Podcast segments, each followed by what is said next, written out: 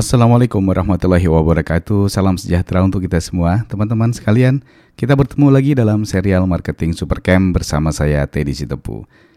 Apa kabar teman-teman sekalian? Semoga sehat dan tidak kurang satu apa pun ya dan selalu dalam keberkahan dari Allah Subhanahu wa taala dan terus bisa mendapat uh, mengejar target-target yang sudah diamanahkan kepada kita semua.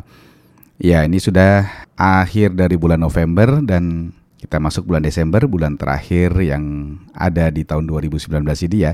Dan tentu perjuangan makin berat karena menjelang akhir-akhir dari tahun 2019 buat mereka yang belum mencapai target tentu bulan terakhir di mana kita bisa mengejar target-target yang sudah kita tetapkan itu.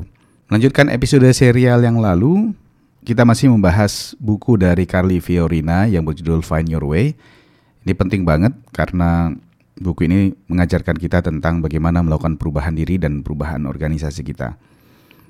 Nah, saya pilihkan saja ya beberapa bagian yang menarik yang mungkin berguna untuk kita semuanya. Chapter ketujuh uh, subjudulnya adalah Becoming a Better Us ya. Jadi bagaimana cara menjadi pribadi yang lebih baik ya. Kalau di beberapa episode yang lalu kita selalu sudah bahas tentang pentingnya melakukan perubahan, pentingnya keluar dari belenggu ketidakmampuan, eh, belenggu-belenggu yang mengikat dan membuat potensi kita itu nggak bisa keluar. Nah, di chapter ketujuh ini kita diajarkan bagaimana kemudian membuat agar talent kita itu ya potensi kita itu bisa lebih apa bisa lebih keluar lagi, bisa lebih berdaya lagi dan bisa menjadi versi yang lebih baik dari diri kita. Disebutkan di sini salah satunya adalah ya put your cell phone down ya. Jadi kita disuruh meletakkan handphone kita. Jadi untuk menjadi lebih baik kita diminta lebih banyak reflektif, lebih banyak melakukan kontemplasi tentang diri kita. Setiap hari Carly menyarankan agar kita merencanakan hari itu apa-apa hal penting harus kita capai pada hari itu, keputusan-keputusan apa yang harus kita buat pada hari itu. Kemudian di akhir hari kita disarankan ya untuk melakukan beberapa menit kalau bisa beberapa puluh menit gitu ya untuk kontemplasi lagi bagaimana kita sudah melalui hari itu. Baikkah atau burukkah? Ya, kemudian mengambil pelajaran dari setiap langkah, setiap perkataan, perbuatan yang kita lakukan pada hari itu untuk perbaikan pada esok harinya. Nah, salah satu juga yang menjadi saran dari Carly Fiorina untuk menjadi lebih baik kita adalah berkolaborasi. Dia menyampaikan bahwa crafting sustainable solution over the long haul requires committed partnership with others who are as eager for change as we are. Solving real world problems demands collaboration. There is no way around it. Ya, jadi untuk memecahkan masalah kita, ya, memecahkan, menyelesaikan masalah kita, mencari solusi atas masalah kita itu kita butuh kolaborasi. Apalagi kalau problem kita itu uh, bukan hanya problem pribadi kita, tapi problem yang terkait organisasi, terkait masyarakat, terkait dengan banyak orang, maka kolaborasi adalah satu-satunya syarat ya yang harus kita lakukan. Dan nggak ada jalan lain kecuali berkolaborasi. Dengan kolaborasi kita akan bisa membentuk diri kita menjadi pribadi yang lebih baik lagi. Karena dengan kolaborasi kita akan menambah sudut, menambah perspektif pandangan terhadap masalah, mendapatkan ilmu baru dari orang lain, mendapatkan cara mengerjakan sesuatu dengan cara baru dari orang lain. Ya, atau mendapatkan lagi sumber daya baru mendapatkan orang baru lagi yang untuk membantu kita uh, dalam menyelesaikan masalah itu. Dengan kolaborasi kita akan terus menjadi pribadi yang lebih baik ya. Kolaborasi itu artinya kita akan membawa perspektif ya orang lain, perspektif baru. Kita juga membawa passion baru dari orang lain. Kita akan mendapatkan logika, cara berpikir yang baru. Kita juga akan mendapatkan daya dorong, daya semangat ya, daya ungkit dari orang lain. Mungkin juga kita akan mendapatkan optimisme baru dari orang lain yang uh, baru melihat permasalahan itu atau baru terlibat dalam masalah dengan lebih fresh.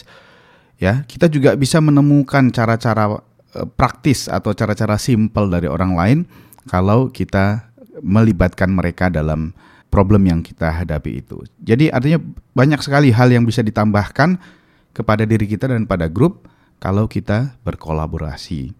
Menggarisbawahi lagi tadi, jadi untuk bisa mencapai pribadi kita yang lebih baik dan juga bisa memecahkan masalah, menghadapi masalah yang sebelumnya rumit adalah dengan berkolaborasi.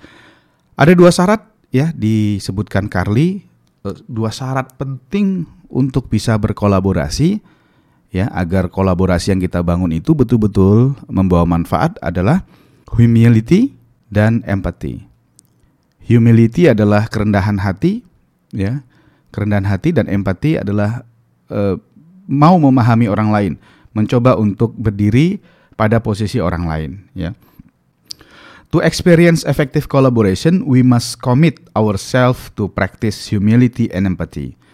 To practice humility and empathy, we must step outside the bounds of ourselves first then outside of our own little tribes. Ya, jadi untuk mendapatkan bisa memperoleh kolaborasi yang efektif kita harus komit ya, kita harus mau me menjalankan kerendahan hati dan empati. Dan untuk bisa menjadi rendah hati dan empati, kita itu harus mau keluar dari kungkungan, dari lingkaran diri kita sendiri dan dari uh, little tribes ya atau kelompok kecil kita, orang-orang yang biasa bersama kita. Jadi it is human nature to want to be with our own people. Jadi kita memang naturalnya senangnya mau sama orang-orang yang sudah kita kenal aja, orang-orang yang bareng sama kita, yang kita tahu udah, udah lama, kita tahu sifatnya, kita tahu cara kerjanya dan seterusnya. Kita biasanya senang dengan mereka saja gitu. Padahal kalau kita bisa menemukan orang lain, ya, cara bekerja yang lain, cara pandang yang lain, maka banyak problem yang bisa kita selesaikan gitu. Kadang-kadang cara kita bukan cara yang terbaik. Pandangan kita bukan pandangan yang terbaik, ilmu kita bukan ilmu yang terbaik. Masih banyak orang lain di luar sana yang punya ilmu yang lebih tinggi dari kita, punya pandangan lebih bijaksana dari kita, atau punya cara-cara yang lebih efektif dari kita. Nah, makanya untuk tadi ya supaya kita bisa berkolaborasi dengan orang orang lain dengan lebih baik maka kita harus keluar dari zona nyaman bersama teman-teman kita yang biasa dari gengnya kita gitu. Walaupun bersama mereka itu akan lebih terasa nyaman, terasa lebih mudah, ngobrolnya enak. Cuman masalahnya target kita adalah solving the problem ya, atau achieve more uh, performance ya. Kita ingin mendapat uh, kinerja yang lebih baik lagi atau bisa menyelesaikan masalah yang kita hadapi dan itu membutuhkan kolaborasi. Kadang-kadang masalah itu nggak bisa kita selesaikan dengan cara-cara yang lama. Nah, satu kata ya satu pola pikir mindset yang harus selalu kita tanamkan I recognize that I don't have all the answers. Kita harus punya mindset ya mengatakan dalam hati bahwa saya menyadari bahwa saya tidak punya semua jawaban. Itulah humility, itulah kerendahan hati. Kemudian yang kedua, and I acknowledge that you can help me fill in those gaps. Ya. Dan saya yakin bahwa kamu bisa membantuku untuk menutup gap itu, menutup celah itu ya yang tadi kita nggak tahu bisa ditutup oleh orang lain dengan kolaborasi dan itulah empati. Humility is understanding that we can't go it alone. Jadi humility itu adalah kerendahan hati itu adalah bahwa kita sadar, kita tahu bahwa kita tidak bisa pergi sendiri, kita tidak bisa mengerjakan itu sendiri. Ya, empathy is the ability to identify with the challenge that have brought other people to where they are. Ya. Jadi empati itu adalah kemampuan untuk mengidentifikasi tantangan yang mungkin yang bisa kita dibantu oleh orang lain yang mereka bisa mengisi celah atau gap yang kita tidak bisa isi sendiri.